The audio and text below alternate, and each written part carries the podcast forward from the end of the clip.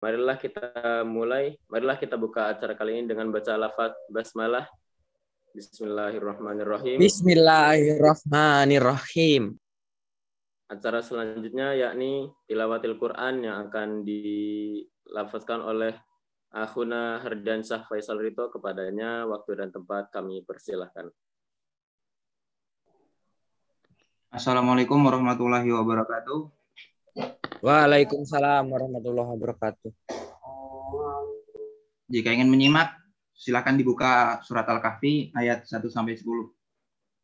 A'udzu billahi minasyaitonir rajim. Bismillahirrahmanirrahim.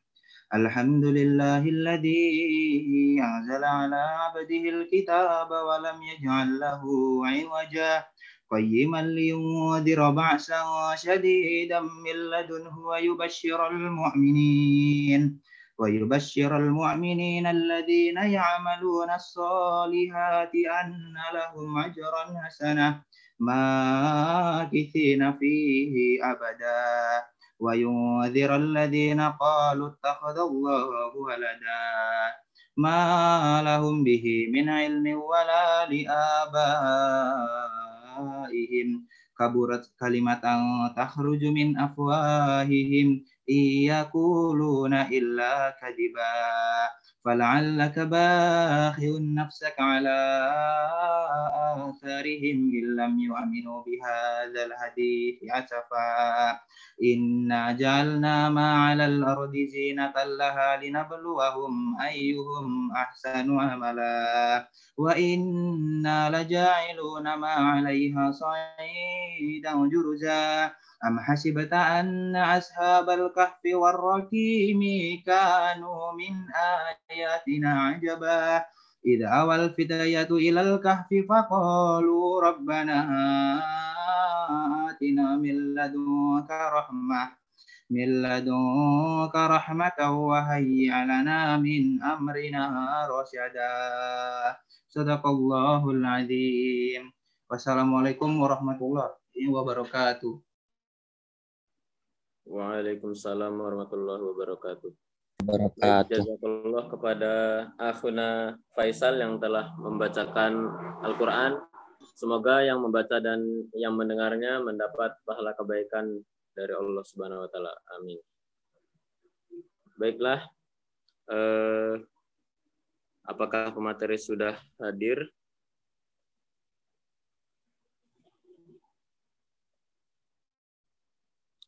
Baik, karena pemateri sudah hadir, marilah kita berlanjut ke acara inti, yakni taujih yang akan disampaikan oleh Ustadz kita, Ustadz Muhammad Humaidi LCMA. Eh, beliau merupakan Ketua RKN Lampung, kemudian DAI Kadi Lampung, dan pembina komunitas Quranik Hearing Foundation. Eh, kepada Ustadz Muhammad Humaidi, kami persilahkan untuk mengisi taujih pada acara kegiatan kali ini. Pada beliau, waktu dan tempat kami persilahkan. Bismillahirrahmanirrahim. Assalamualaikum warahmatullahi wabarakatuh. Waalaikumsalam warahmatullahi wabarakatuh. Alhamdulillah, salatu wassalamu ala rasulillah wa ala alihi wa sahbihi wa mawala. Asyhadu an la ilaha illallah وحده لا شريك له وأشهد أن محمدا عبده ورسوله. سبحانك لا علم لنا إلا ما علمتنا إنك أنت العلم الحكيم.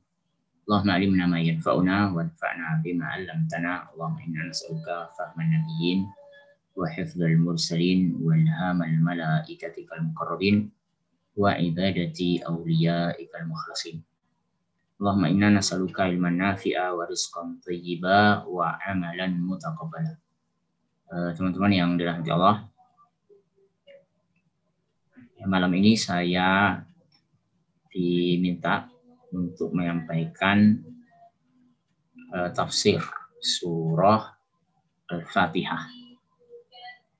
Uh, Suratul Fatihah ini adalah surah yang paling agungnya yang menjadi satu penentu Al-Quran. Sebab eh, Al-Qur'anul Karim yang diturunkan oleh Allah Subhanahu wa taala kepada Rasulullah Muhammad SAW ini punya misi untuk menghapus kejahiliahan, menghapus semua kebodohan tentang Allah Subhanahu wa taala, tentang kesyirikan, tentang oh, keburukan dan kebobrokan moral dengan segala bentuk, dengan segala uh, macam aktivitas kejahiliahan. Quran inilah yang kemudian merubah menjadi uh, sebuah aktivitas yang berlandaskan atas ilmu. Jadi kejahiliahan yang disimbolkan dengan Abu Jahal karena kebodohannya tentang Allah Subhanahu wa taala kemudian dihapus dengan keilmuan berdasarkan ilmu. Dan Al-Qur'an itu dimulai dengan Iqra Iqra bismi rabbikal ladzi khalaq. Bacalah dengan uh, membaca nama Allah. Bismi. Maka Iqra itu sumbernya ilmu dan ilmu itu harus dengan uh, yang paling agungnya adalah ilmu tentang Allah Subhanahu wa taala. Dan itu mutlak tidak boleh ada orang yang tidak berilmu tentang Allah kecuali dia pasti akan binasa, dia akan sengsara. Dan Al-Quran Karim yang dimulai dengan Iqra bismi rabbikal ladzi khalaq itu urutan secara turunnya.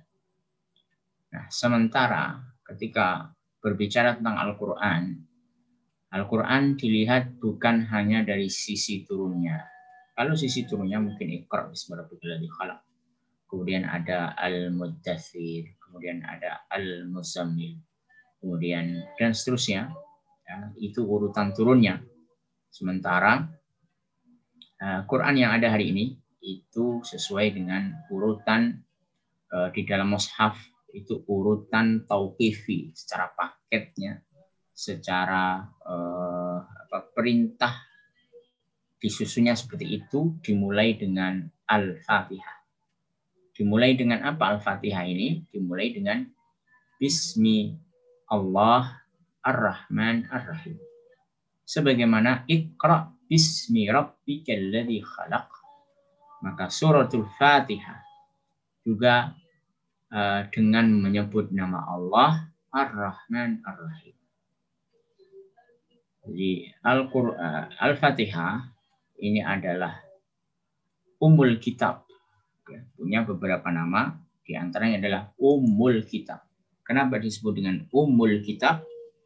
Karena Al-Fatihah ini ada e, meringkas seluruh Al-Quran dari Al-Fatihah, ya, Al-Fatihah, ya, Al-Baqarah, dan uh, Ali Imran, An-Nisa, terus Al-An'am, uh, Al-Maidah, Al-An'am, dan seterusnya sampai An-Nas yang ribuan ayat itu, yang 114 surah itu kemudian diringkas menjadi tujuh ayat.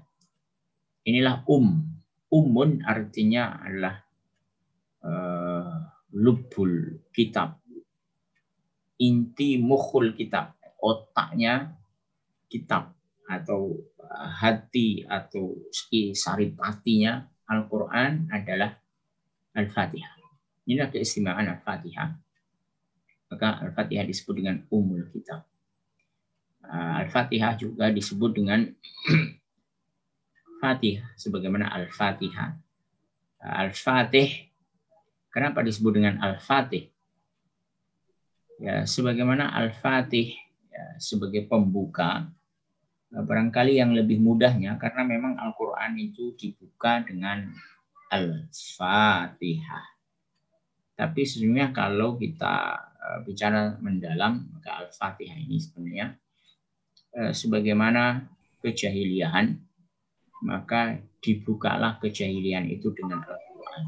Dan Al-Fatihah ini menjadi representasi seluruh isi Al-Quran yang disebut Al-Fatih.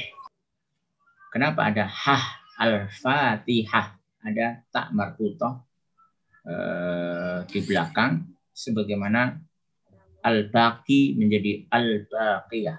Al-Haq menjadi Al-Haqqah.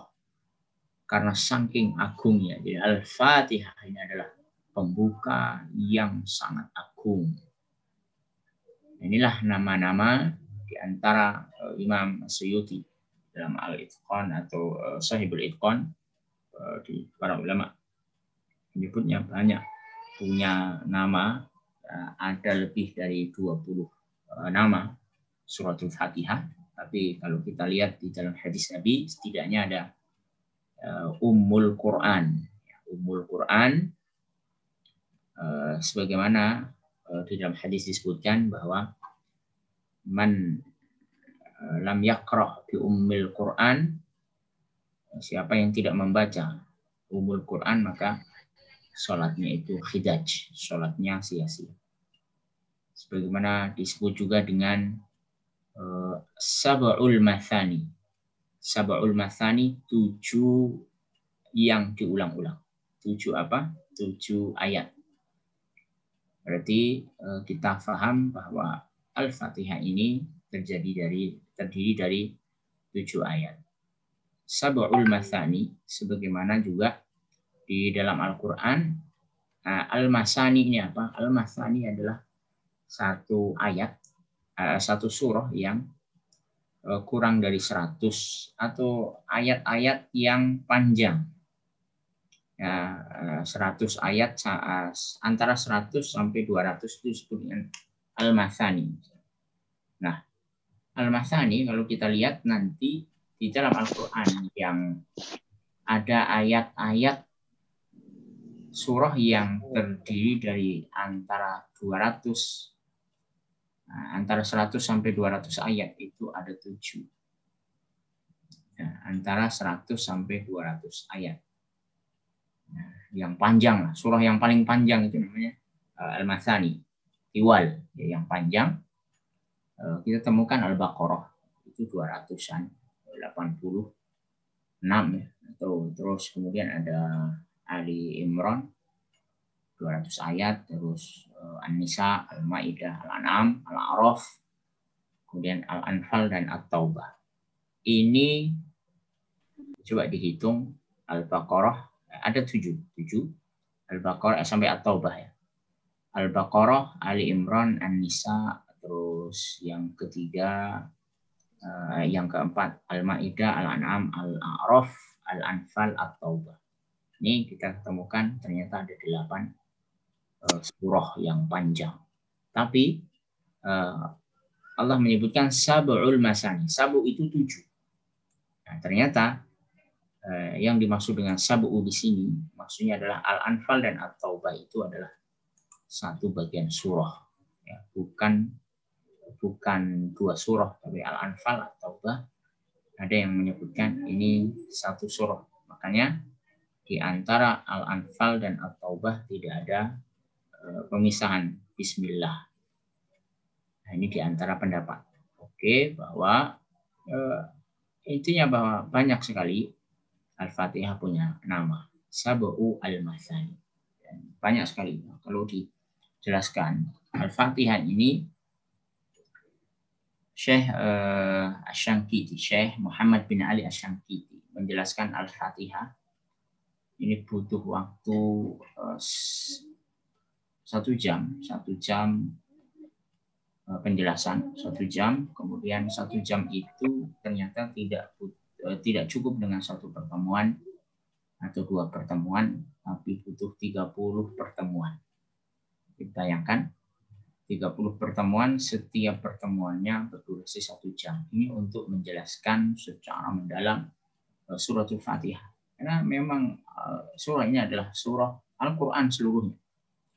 Makanya eh, siapa pun keistimewaan Al-Fatihah, siapa pun orang yang beriman, dia tidak akan sempurna keimanannya, bahkan bisa jadi keimanannya akan tertolak kalau dia tidak hafal Al-Fatihah.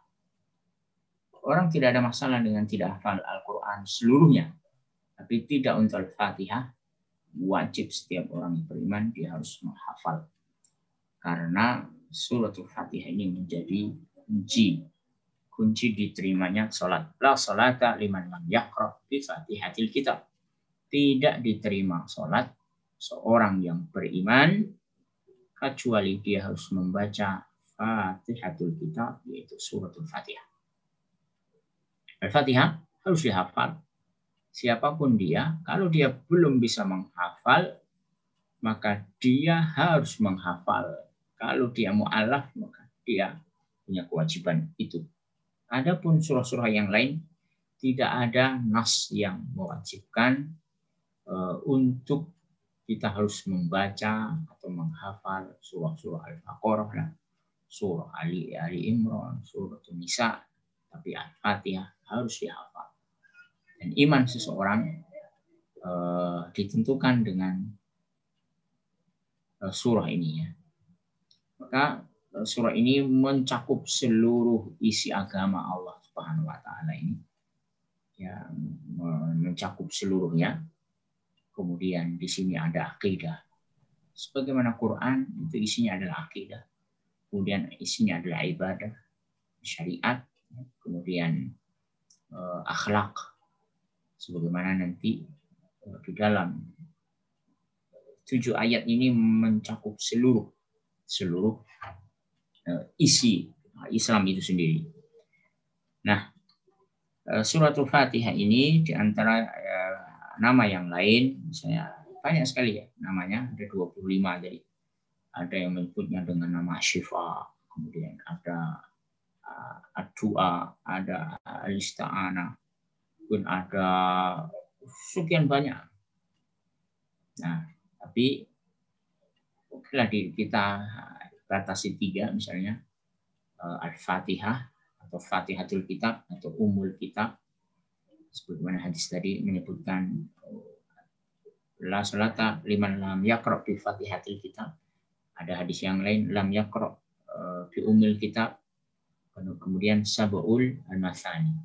Bagaimana uh, sab'u al-masani yang diulang-ulang karena memang seorang harus mengulang-ulang Al-Fatihah ini setidaknya 17 kali di dalam satu hari.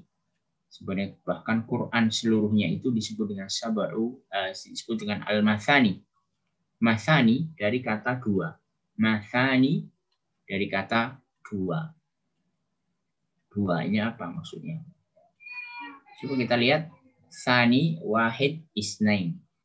Sabau al-masani. Uh, dua. Sebagaimana Quran juga disebut dengan al-masani. Seluruhnya. Uh, Allah nazzala ahsanal hadis kitaban mutasyabihan masani.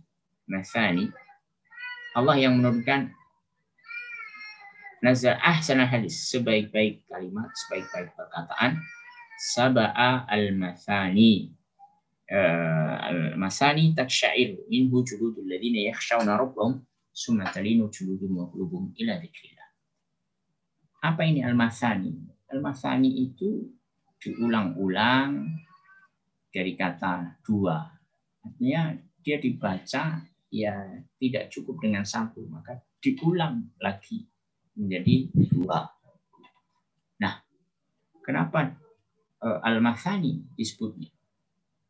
Sebagaimana kita tahu bahwa orang tidak akan pernah sempurna sholatnya di dalam sholat itu kecuali dia minimalnya membaca membaca uh, al-fatihah itu diulang-ulang uh, diulang-ulang setiap rakaatnya itu sebagai kewajiban. Apakah semua Al-Fatihah harus dibaca atau sebagian besarnya saja? Kulluhu au. Kulluhu ya, jadi uh, semuanya atau atau sebagian besar. Uh, ada pendapat yang mengatakan bahwa yang paling masyhur ya, kullu apa jullu ya, sebagian besarnya. Artinya kalau sebagian besar sudah dibaca, maka sah sholat itu. Alhamdulillah, alamin, ar-Rahman, Yawmiddin. Ya karena abudu wa iya karena stain. Nah, di sini uh, empat ayat minimalnya dibaca maka sah sholat orang itu dan ini terkhusus adalah untuk makmum untuk makmum makmum ya apalagi dia sudah berimam bahkan ada yang mengatakan kalau makmum itu tidak membaca apa-apa karena dia sudah diwakili oleh uh, imam. Tapi pendapat yang masyhur dia harus baca. Oke. Inilah uh, al-masani diulang-ulang. Sebagaimana Al-Qur'an itu harus diulang-ulang. Quran setelah selesai An-Nas, kemudian Al-Fatihah kembali Al-Baqarah terus begitu. Dan diulang-ulang terus begitu ini penamaan uh, Sab'u al-Masani. Nah, Sab'ul Masani kemudian ya, ini sebagai eh, hadis-hadis ya yang yang kita nanti kita bisa baca. Bahwa Al-Fatihah ini disebut dengan asasul kutub misalnya asasul Quran. Al asas sebagaimana Ibnu Abbas. Itu nanti bisa eh, dibaca lagi. Tapi yang paling populernya nama al-fatihah itu ada uh, kitab asabu al-masani dan uh, al-fatihah itu sendiri uh, al-fatihah banyak fadilah banyak fadilah uh, sebelum ke membahas fadilah uh, Jumhur ulama mengatakan bahwa ini bagian dari surah Makiyah. Surah Makiyah. Artinya surah ini turun di Makkah. Kalau e, melihat bahwa kewajiban sholat, kewajiban sholat itu dimulai sejak di Makkah. Artinya orang harus baca surah Al-Fatihah. Karena sholat sudah ada sejak di Mekah, sedangkan tidak mungkin orang tidak membaca Al-Fatihah ketika sholat. Maka uh, Al-Fatihah ini bagian dari surah Makiyah. Sebagaimana uh, banyak pendapat yang menyatakan bahwa surah Al-Fatihah itu antara turunnya setelah surah Al-Mudassir. Artinya uh, surah ketiga berarti. Misalnya Al-Iqra bismi rabbikal ladzi khalaq yang pertama, kemudian yang kedua adalah Al-Mudassir, yang ketiga adalah Al-Fatihah. Ada pendapat yang lain Al-Fatihah itu turun kelima di, di deretan surah Makiyah. Tapi ada pendapat bahwa suratul Fatihah ini Madaniyah. Surah Al-Fatihah Madaniyah. Dia turun di Madinah. Dengan sangat jelas sekali karena di surah itu terdapat ayat tentang Yahudi dan Nasrani. Ihdina siratal mustaqim siratal ladzina an'amta 'alaihim ghairil maghdubi 'alaihim waladdallin. Ghairil maghdubi 'alaihim. Bukan orang yang engkau murkai, maghdub, ghadab. Siapa ini? Yahudi. Kemudian waladdallin dan bukan orang yang engkau sesatkan. Siapa mereka adalah Nasrani. Tentu uh, peringatan tentang Yahudi dan Nasrani ini uh, adanya di Madinah karena di Makkah uh, orang-orang kafir itu sekitar kafir Quraisy belum ada ahlu kitab Yahudi Nasrani. Karena ini surah ini surah uh, Madaniyah. Ini khilaf para ulama. Nah, ini di antara uh, apa khilaf para ulama diperselisihkan Eh, sementara ada yang berpendapat yang kuat adalah surat Al-Fatihah turun dua kali di Mekah dan di Madinah. Surah ini turun dua kali. Uh, surah ini punya banyak sekali fadilah. Fadilah, keistimewaan-keistimewaan. Sebagaimana Allah Subhanahu wa taala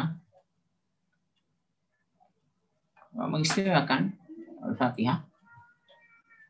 Dia di sebagai ringkasan Quran ini jelas keistimewaan yang tidak punya dimiliki oleh oleh surah-surah lain. Rasulullah SAW menyebutkan bahwa Ma anzalallahu fit Taurat wala fil Injil misla ummil Qur'an.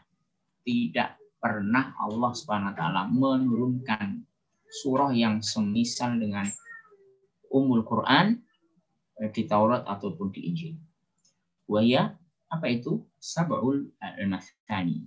Wahya kama qala Allah azza wa jalla fil hadis al-qudsi uh, maksumah baini wa baina abdi wa li abdi masa.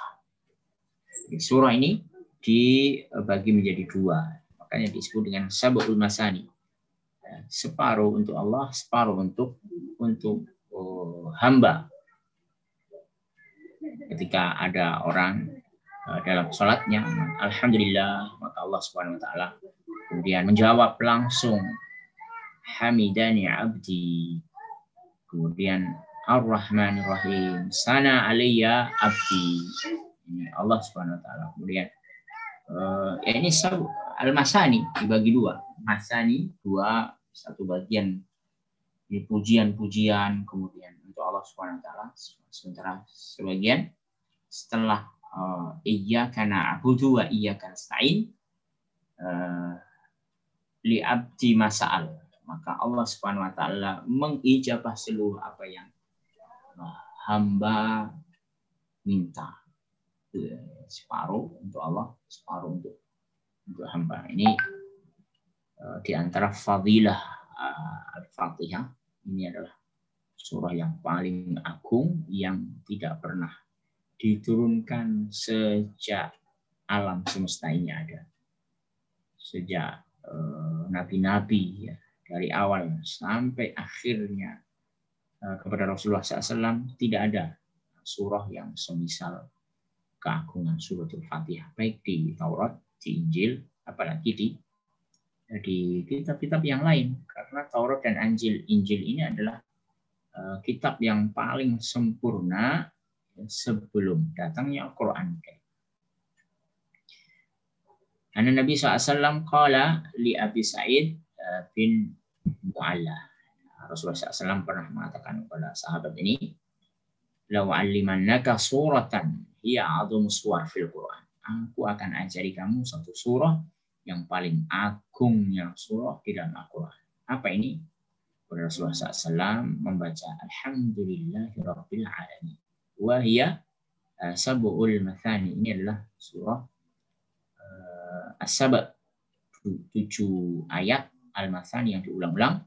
Wal Qur'an al-azim alladhi utitu. Dan Al-Quran yang aku yang diberikan kepadaku. Nah ini dua hadis ya. Tadi dua hadis yang menyebutkan uh, begitu istimewanya surah ini. Walaqad ataina kasaba'an minal masani wal Qur'an Dan kami kata Allah atainaka kami berikan sab'an minal masani wal Qur'an Baik. Ini uh, muqaddimah surah. Kita coba uh, masuk ke barangkali bukan tafsir ya, tafsir panjang sekali. Eh, pertama adalah Bismillahirrahmanirrahim. Para ulama tafsir di dalam kitab-kitab mereka membahas panjang sekali tentang uh, Bismillah ini. Bismillahirrahmanirrahim ini bahkan dimasukkan ke dalam semua surah. Apakah Bismillah ini bagian dari surah Al-Fatihah atau bukan? Ini para ulama membahas panjang sekali ada yang mengatakan Bismillah uh, ayat satu sebagaimana ini pendapat di kalangan madhab ulama Syafi'iyah. Beliau uh, Imam Syafi'i berapa Al-Fatihah ini adalah dimulai dari Bismillah. Sementara jumhur ulama yang lain seperti Malikiyah, kemudian Hanafi, apalagi Hambali, Al-Fatihah itu dimulai dari Alhamdulillahirabbil alamin ayat satu. Ya, bismillah itu bukan surah Al-Fatihah sebagaimana dia bukan surah Al-Baqarah, sebagaimana dia bukan surah An-Nisa, Ali Imran, seterusnya. Kecuali Bismillahirrahmanirrahim itu surah An-Naml. Bismillahi min Sulaiman, innahu min Sulaiman wa innahu Bismillahirrahmanirrahim. Ini surah An-Naml. Dan Bismillah tidak ada di surah Taubah. Jadi jumlah Bismillahirrahmanirrahim dalam Quran sejumlah eh, surah di dalam Al-Quran. Kalau Al-Quran disebutkan 114 surah, maka jumlah Bismillahirrahmanirrahim 114. Eh, suratul Taubah tidak ada di dalamnya Bismillah, tapi suratul Naml ada dua Bismillah. Jadi lengkaplah eh, jumlah Bismillah ini bersandar lurus dengan jumlah surah di dalam Al-Quran Bismillah.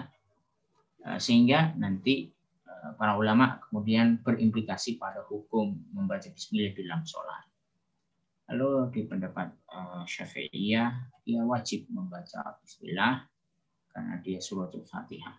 Yang tidak membaca Bismillah satu ayat, dua ayat, tidak dibaca maka tidak sah salatnya.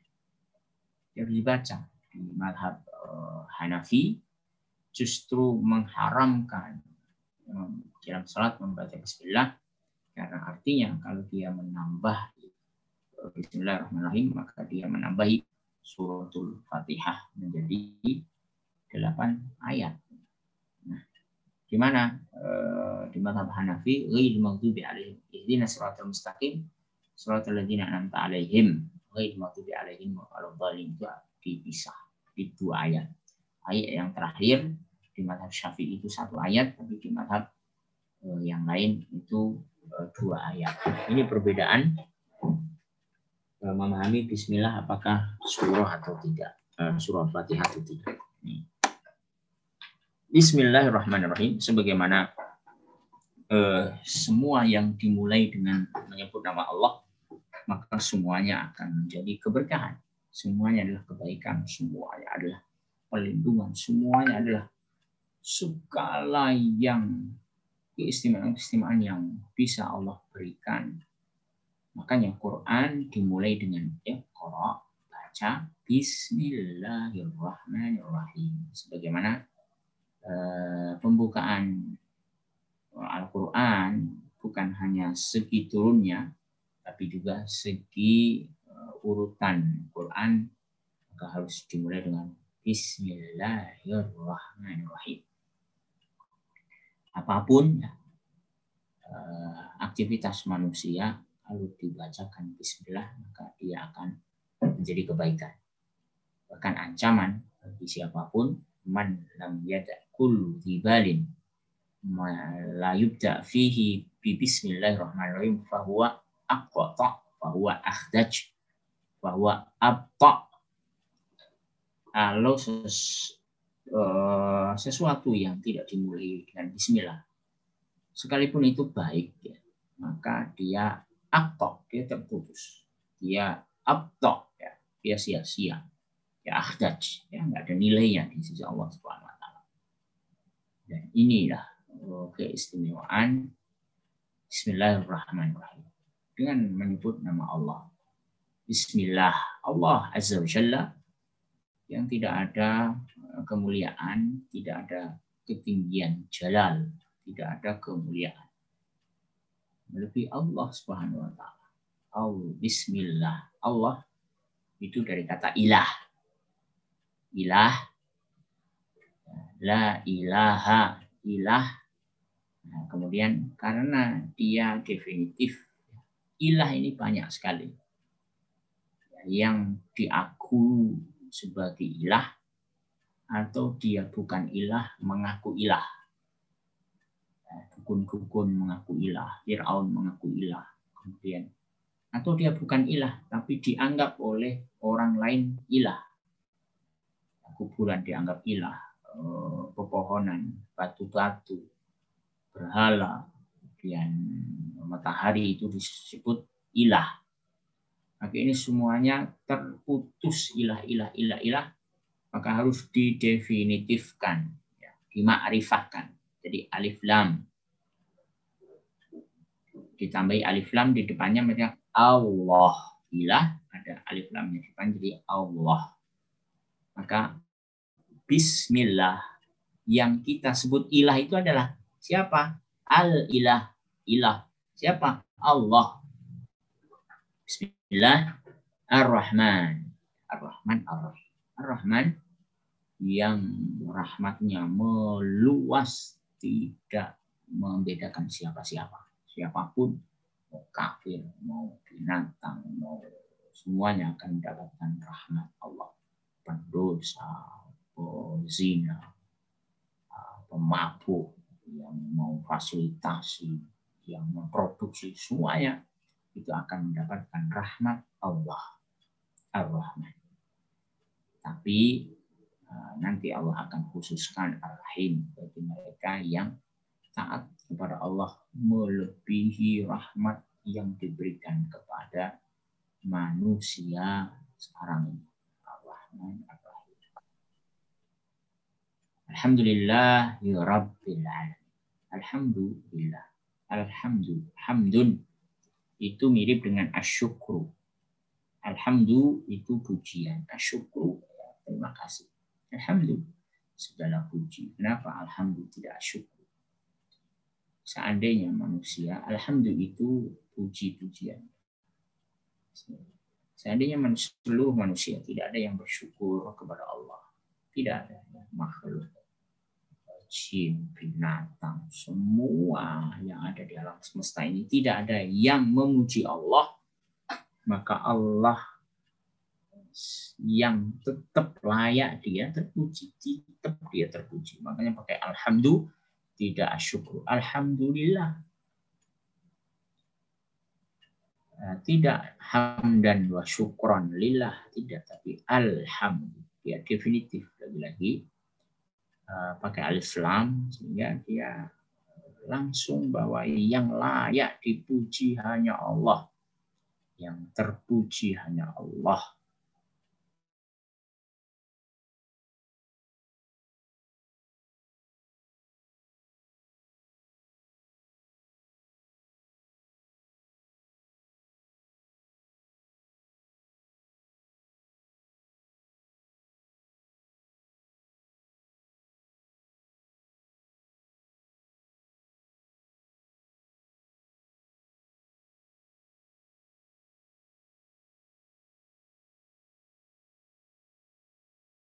Ada ibadah, syariat, di sana ada akhlak. Maka di sinilah dan akidah kita tahu bahwa di sana ada rukun, rukun iman yang enam, maka seluruh rukun yang enam ini terdapat di dalam ayat-ayat Al-Fatihah ini. Bismillah ar-Rahman ar-Rahim. Alhamdulillahi Rabbil Alamin. Ini banyak sekali. Iman meliput iman kepada Allah. Bismillah Ar-Rahman Ar-Rahim dengan uh, Asmaul Husna Ar-Rahman Ar-Rahim. Alhamdulillah Rad Al-Alam ini iman kepada Allah. Rukun yang kedua iman kepada malaikat. Kita bisa temukan rukun iman kepada malaikat ini adalah uh, dari kalimat Alhamdulillah. Rabbil alamin. Rabb. Ya. Yang mengurusi, yang memfasilitasi. Al-alam. Ini Tuhannya, penguasa alam semesta. Siapa yang ada di alam semesta? Para malaikat. Maka Rabbil alamin, ya.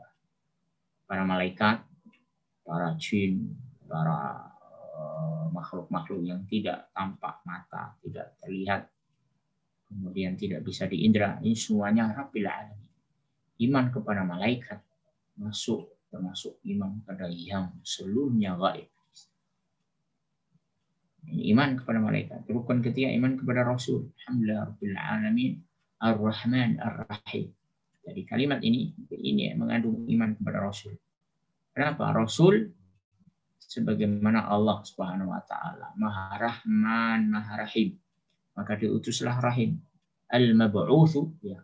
Rasul itu, para rasul itu diutus untuk apa? Nabi itu sebagai rahmat bagi semesta alam. Al-mab'utsu rahmatan lil alamin. Iman kepada Rasul ada di ayat Ar-Rahman Ar-Rahim. Iman kepada uh, kitab tentu tidak akan pernah orang percaya dengan kita kecuali dia percaya kepada Rasul. tidak akan pernah orang percaya kepada uh, semuanya ini lewat lisan Rasulullah. Kalau dia percaya kepada Rasul, maka dia pasti percaya kepada kita. Ar-Rahman Ar-Rahim.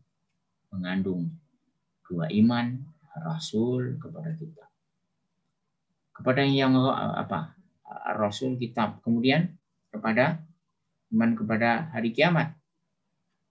Maliki yaumiddin. Yaumuddin, yaumuddin sebagaimana kita tahu bahwa hari kiamat itu punya banyak nama. Yaumul qiyamah, yaumul hisab, yaumuddin. Ya ini. Kemudian yaum yaumul uh, hasyar. Uh, al-haqqah, al-thamah. Kemudian asokoh, al al-waqi'ah Seluruhnya ini al-ghasyiyah. Nah, nama-nama yang begitu banyak itu kita beriman dengan satu ayat ini. Maliki yaumiddin.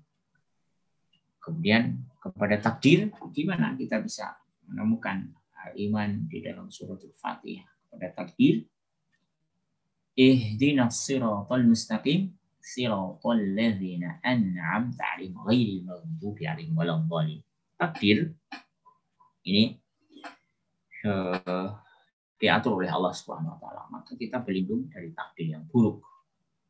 Sebagaimana Allah takdirkan Nasrani Yahudi dilaknat oleh Allah. Itu takdir Allah. Karena perbuatan Yahudi Nasrani yang layak untuk dilaknat, maka kita meminta berlindung. Ihdinas siratal mustaqim. Ya Allah, jangan kami eh, ditakdirkan seperti mereka yang dilaknat. Percaya pada takdir. Kemudian syariat. Syariat itu isinya adalah perintah larangan.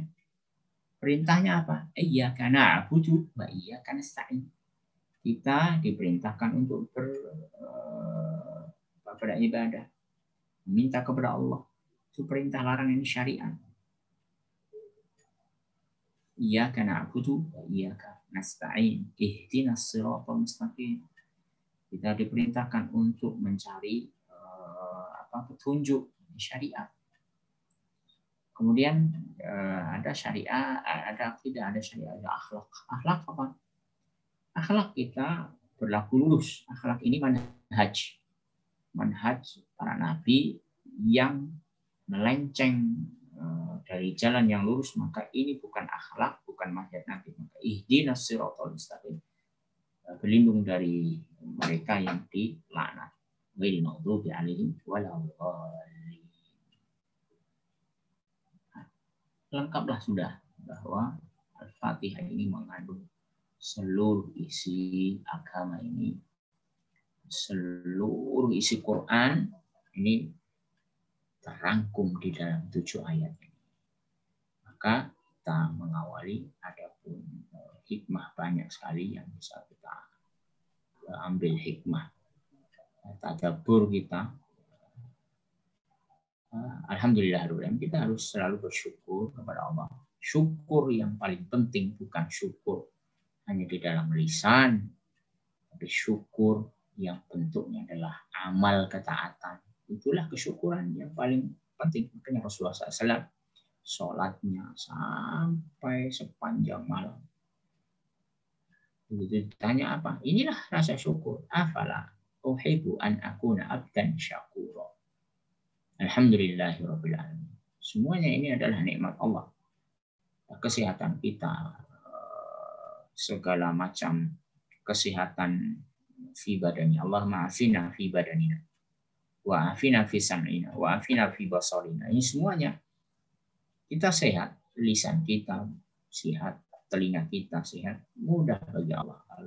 Allah buat lahir dalam keadaan tidak bisa mendengar, tidak bisa melihat, hanya sekedar saraf-saraf tertentu yang tidak berfungsi. Naudzubillah. Itu semuanya. Ini nikmat Allah Subhanahu Syukur. Alhamdulillah. Rabbil alamin dan Allah ini rahmat rahim. Jangan ada sampai ada suudon sedikit pun. Suudon sedikit pun. Allah Rahman, Allah Rahim. Malik Yomidin, kita percaya kepada eh, hari pembalasan akhirat.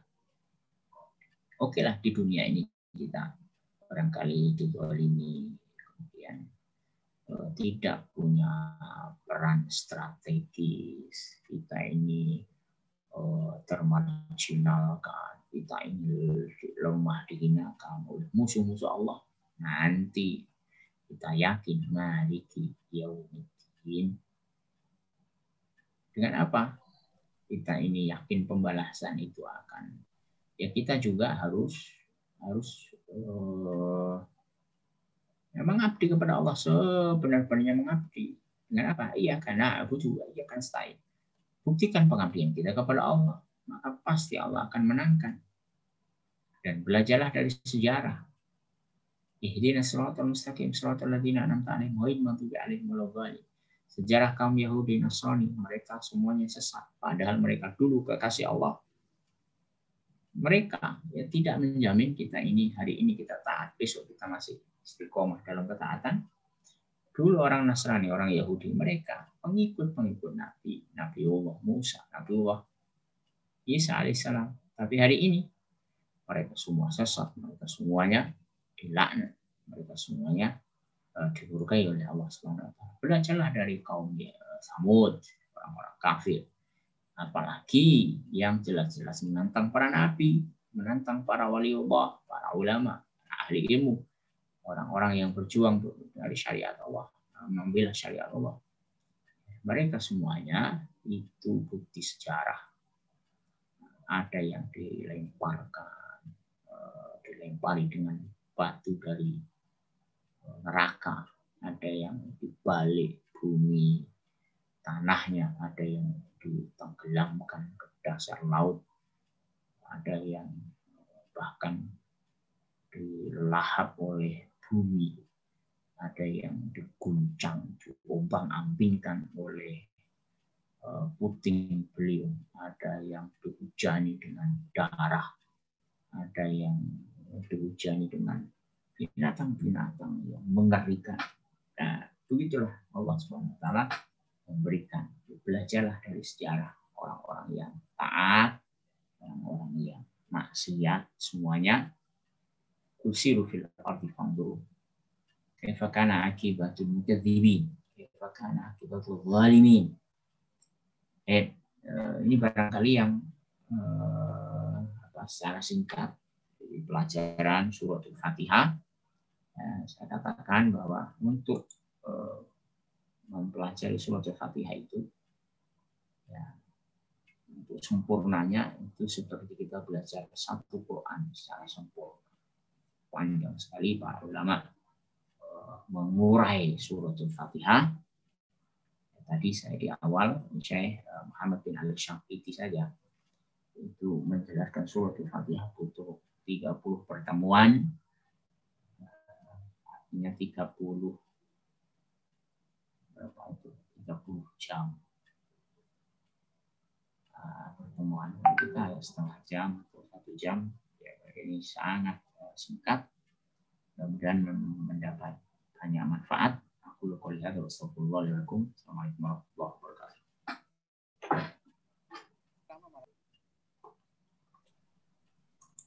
Waalaikumsalam warahmatullahi wabarakatuh. Jazakallah kepada Ustadz yang telah menyampaikan materi yang sangat spesial ini ya. Eh, materi tentang tafsir tafsir Quran surah Al-Fatihah yang mana minimal-minimalnya kita sehari ini melafazkan Al-Fatihah dalam setiap sholat 17 kali. Nah, maka dari itu surah Al-Fatihah ini ternyata banyak sekali fadilah-fadilah di dalamnya yang mana kalau kita ingin lebih mendalami lagi tentang surah Al-Fatihah ini, maka waktu tidak akan cukup kalau hanya hari ini. Baiklah, eh, untuk menyingkat waktu, beralih ke sesi selanjutnya, yakni sesi tanya-jawab. Bagi yang ingin bertanya, bisa ini mengkonfirmasi di kolom chat terlebih dahulu.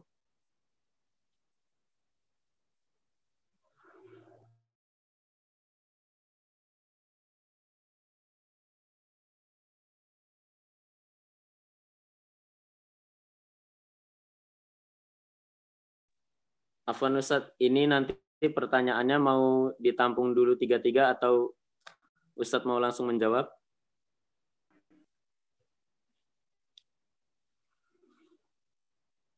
Eh, satu-satu nggak apa-apa. Baik, Ustaz. Ini sudah Pertanyaan. ada satu Iya. pertanyaan lewat chat dari Saudari Fitri Nur Hidayah.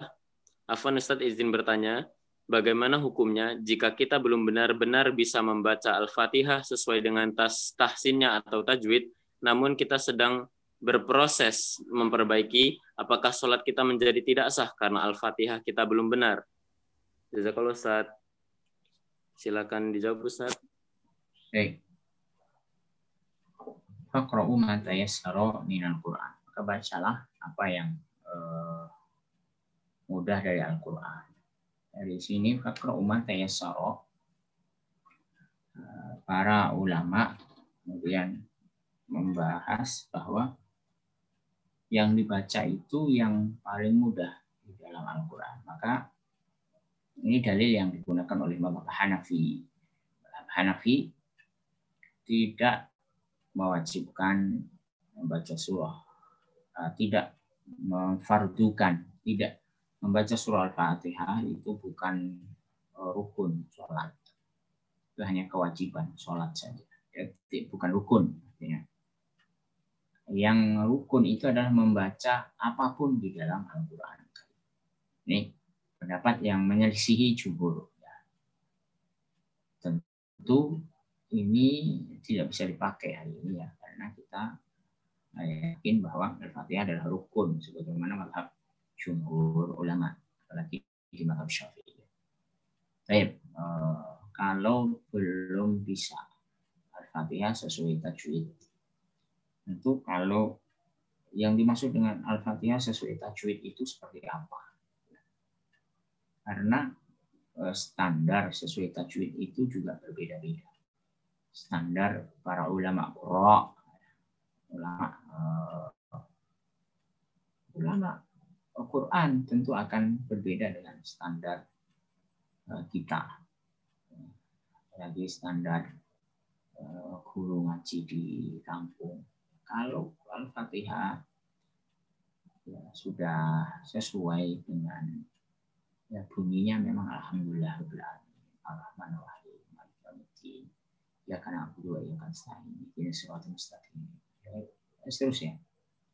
Ya, panjang pendek sudah benar. Kemudian ya, adapun makhrajnya ini kurang tebal kurang tipis. Kemudian ini kan standar yang barangkali nggak terlalu yang tidak terlalu eh, apa namanya fatal. Kecuali memang ya memang uh, bacaannya nggak jelas. Apa yang dia baca kita nggak ngerti. Padahal dia maksudnya baca al-fatihah. Ini yang yang harus dia perbaiki terus. Nah, kalau tidak bisa ya fakro umantai al-Quran yang gampang kamu saya apa sebisanya fakro umantai al-Qurannya yang menurut kamu mudahnya itu kayak mana? Walau kita standarnya sangat tinggi standar ulama qura alhamdulillahi ra ra-nya harus tebal. Rabbil a a-nya harus begini. Itu tinggi sekali dan hampir kita rata-rata tidak akan pernah sampai kepada derajat itu. Itu hanya khawas ya orang-orang khusus yang memang belajar khusus untuk perbaikan bacaan. Saya pikir gimana posisi kita ya kita yakinlah kita ini semuanya sudah benar al-fatihah. Benar standar standar orang kampung beda dengan standar ulama kota lihat demikian Baik, jazakallah Ustaz. Uh, insya Allah menjawab ya pertanyaan dari Saudara Fitri. Kemudian berlanjut ke pertanyaan selanjutnya di kolom chat sudah ada. Izinkan saya membacakan. Uh, dari pertanyaan dari Suryaningsih, izin bertanya Ustadz, bagaimana jika imam tidak membaca Bismillah pada surah Al-Fat bismillah pada surat Al-Fatihah, apakah sholat kita sah atau tidak? Dan bagaimana menurut pandangan Ustadz jika ada imam yang berkata bismillahnya dibaca dalam hati, sedangkan seharusnya imam melantangkan suaranya agar terdengar oleh makmumnya dan agar menghindari dari prasangka buruk kita. Terima kasih Ustadz. Silakan Ustadz dijawab. Ya, membaca Al-Fatihah itu uh, wajib. Tapi untuk membaca bismillah itu para ulama berbeda pendapat. Apakah wajib membaca bismillah? Wajib menurut madhab syafi'i. Itu satu-satunya yang mewajibkan membaca Al-Fatihah secara keras. Tidak ada madhab lain yang mewajibkan itu.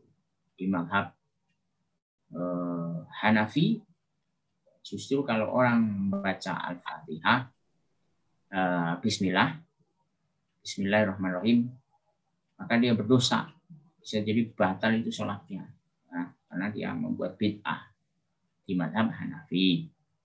Kemudian di madhab Maliki, baca Bismillah, tapi tidak keras.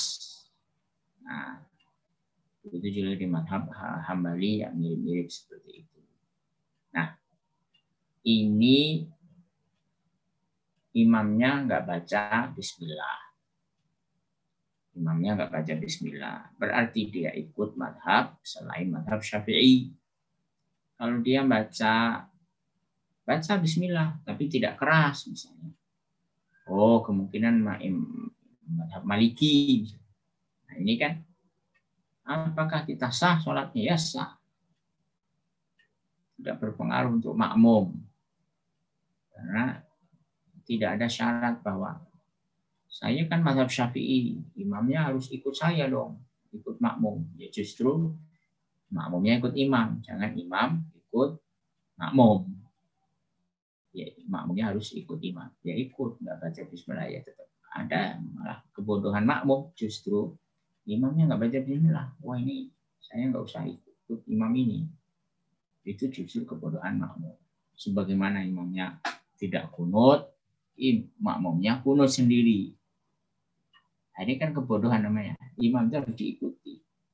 Atau eh, imamnya kunut, makmumnya nggak mau ikut kunut. Itu juga sama. Jadi imam itu harus diikuti. Apa pun madhabnya ya ikut saja. Berarti ada syarat bahwa eh, imamnya madhab syafi'i, makmumnya harus madhab syafi'i semua. Jadi saya nanti masjid sana syafi'i yang masjid sini hambali, masjid sini hanafi. Tidak. Semuanya benar. Semuanya benar. Itu ya. Baik. Uh, insya Allah sudah terjawab ya saudari Suraningsi. Kemudian beralih ke pertanyaan ketiga. Izin membacakan. Uh, pertanyaan dari Burhan Najib Ar-Rashid. Ustaz, semisal kita menjadi makmum, jika imam membaca surah Al-Fatihah, apakah kita harus mengikutinya atau hanya mendengarkan bacaan imam? Jazakallah khair Ustaz. Silakan Ustaz dijawab. Eh, wa idza al Qur'an fastami'u lahu wa ansitu la'allakum turhamun. Kalau dibacakan Quran maka dengarkanlah Ansitu diam, la'alakum turhamun, supaya kamu mendapatkan rahmat. Ayat ini eh, digunakan oleh para ulama, imam kalau lagi baca Quran, maka eh, diam, makmumnya diam. Kita dengerin, bukan eh, imam baca, makmum baca. Yang benar adalah imamnya baca, makmumnya mendengar. Nah, itu Nah, Al-Quran di sini apa maksudnya? Wa idza quri al-Quran. Kalau dibacakan Quran, fastami'u, maka dengarkan. Diam. Fastami'u. Wa ansitu. Diam, dengarkan. Uh, Oke. Okay. Imam baca, makmum dengarkan. Tapi ada ayat yang dipakai di madhab syafi'i makmum dan imam itu harus baca al-fatihah. Jadi ya wajib dua-duanya wajib baca al-fatihah. Imamnya baca al-fatihah. Makmum juga baca al-fatihah. Kapan waktunya? Kan im, uh, imamnya baca, makmumnya tadi suruh dengerin, suruh diam. Jadi kapan makmumnya harus baca? Ada pendapat di sini uh, setelah imam baca al-fatihah. Setelah imam baca al-fatihah, baru makmum baca.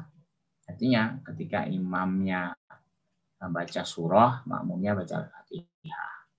Itu pendapat yang pertama. Misalnya sabbihi isma rabbikal a'la alladhi khalaqa fasawwa. Sabbihi isma rabbikal a'la alladhi khalaqa fasawwa walladhi qaddara qadar.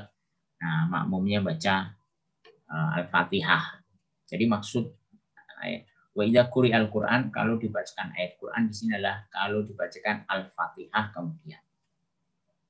Nah, baru kalau makmumnya, imamnya baca apa tadi? Surah maka baru imamnya baca surah, makmumnya baru baca Al-Fatihah. Itu yang pertama. Yang eh, dibantah oleh pendapat kedua, yang nggak bisa. Kenapa? Ya sapi semarubikal ala itu kan Quran juga. Ya, ayatnya kan wa idza al Quran fastami'u.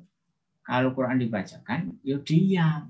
Ya kalau makmumnya nggak nggak dengerin baca bacaannya imam, tak kalau salah gimana? Kalau salah siapa yang ngingetin? Kalau makmumnya baca sendiri, nah ini nggak benar. Jadi kapan makmumnya baca Al-Fatihah sekarang? Nah, ketika imamnya diam. Jadi pendapat ini, jadi imam itu harus diam sejenak, ngasih kesempatan makmum untuk membaca Al-Fatihah. Wa ghairil maghdubi alaihim waladdallin. Amin. Imamnya diam. Memberi kesempatan makmum untuk baca Al-Fatihah. Makmum baca Al-Fatihah. Bismillahirrahmanirrahim. Alhamdulillah bil alamin arrahmanir rahim. Maliki yaumiddin. Ya kira-kira berapa lama selesai baru imamnya baca Sabbihisma rabbikal la'la alladzi khalaqas sawwa. Tapi ini melanggar. Melanggar apa? Karena ini nggak ada contohnya yang begini. Jadi dia membuat-buat aturan sendiri. Nah, terus gimana yang benar? Nah, makanya eh, pendapat si madhab eh, yang lain, makmum nggak usah baca apa-apa. Kenapa? Dia dengerin imam saja sudah diwakili. Ya maka nalul imam fakiraatul imam kan lalu kiroah siapa yang sholatnya bersama imam itu bacaan imam itu sudah mewakili bacaan makmum. Dari empat pendapat ini ya salah ah, mana yang mau dipakai? Nah, tapi kemungkinan ya kemungkinan ya mana ini kita ini baca surah Al-Fatihah wajib bagi makmum. Tapi kalau imamnya baca Al-Fatihah kita suruh diam. Imamnya baca surah kita baca Al-Fatihah itu ya tetap melanggar karena kita uh, surah surah juga bagian dari uh, Quran. Terus imamnya diam ya, memberi kesempatan kepada makmum baca Al-Fatihah. Kok yo itu nggak ada contohnya. Terus ya barangkali. Barangkali. Ya sudahlah. Bacaan imamnya itu sebagai wakil bacaan makmum. Itu melanggar juga. Kenapa? La sholat kalimat ham yakro fatihatil kitab oh, ya kan udah imamnya udah baca berarti ya cukup. Eh, mana yang ideal? Ya tidak ada yang ideal ya kan ya terserah pilih yang salah oh halang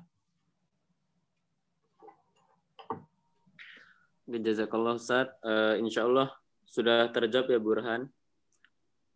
Uh, baiklah, bagi yang ingin bertanya kembali, dipersilahkan.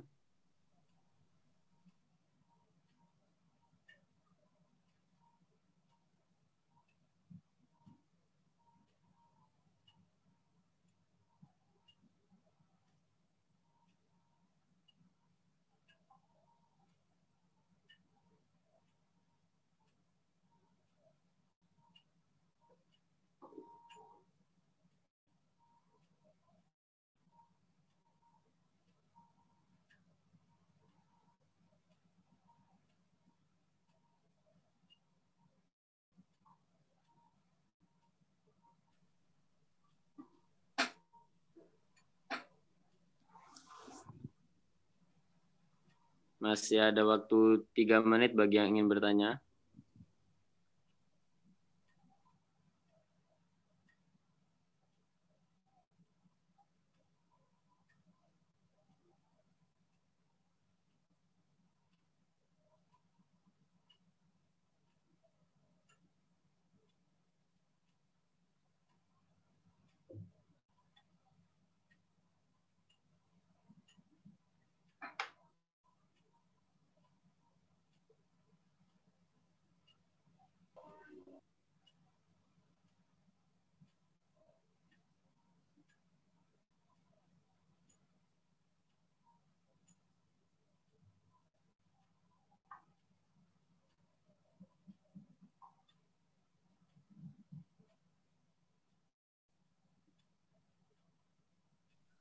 Baiklah, bila tidak ada yang bertanya kembali, uh, marilah kita cukupkan saja agenda kita kali ini dengan membaca lafaz hamdalah dan doa kafaratul majelis.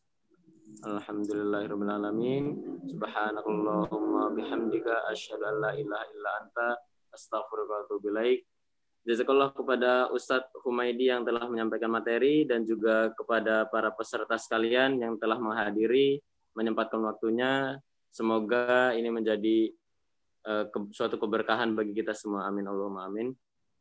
Uh, saya cukupkan. Uh, kurang lebihnya saya mohon maaf apabila ada salah kata. Sekali lagi saya mohon maaf. Saya akhiri. Wassalamualaikum warahmatullahi wabarakatuh. Waalaikumsalam Waalaikumsalam warahmatullahi wabarakatuh. Jazakallah khair Ustaz. Eh, pamit ya. Assalamualaikum. Silakan Ustaz. Waalaikumsalam.